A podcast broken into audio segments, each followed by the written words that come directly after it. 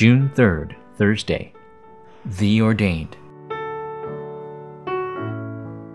Exodus chapter 29, verses 1 through 9. And put headbands on them, then tie sashes on Aaron and his sons. The priesthood is theirs by lasting ordinance. In this way you shall ordain Aaron and his sons. Science continues to endlessly develop. It may seem that people are living abundantly, but as time passes, there is an epidemic. It is an epidemic of helplessness, depression, and mental illness. The Bible illuminates this problem directly. Post Genesis 3, Satan is even now attempting to break down the individual family and culture. But Jesus solved this problem completely. How was this problem solved before Jesus personally came to earth? What is the spiritual commission we must know today? Number 1. The God given solution.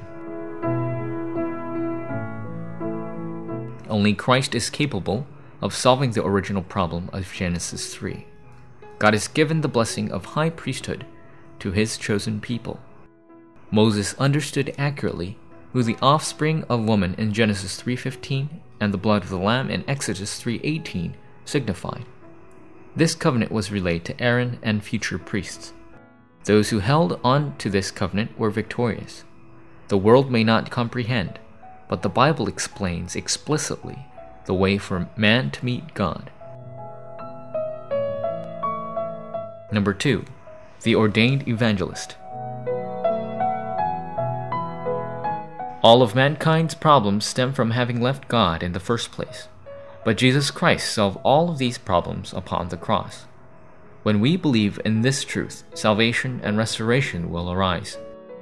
These works took place in Mark's upper room during the days of the early church, and is taking place even now to those who hold to the gospel. At this point, after he resurrected, for forty days, Jesus preached about the impending kingdom of God. He told us to relay the kingdom of God. Evangelists have been ordained for this purpose.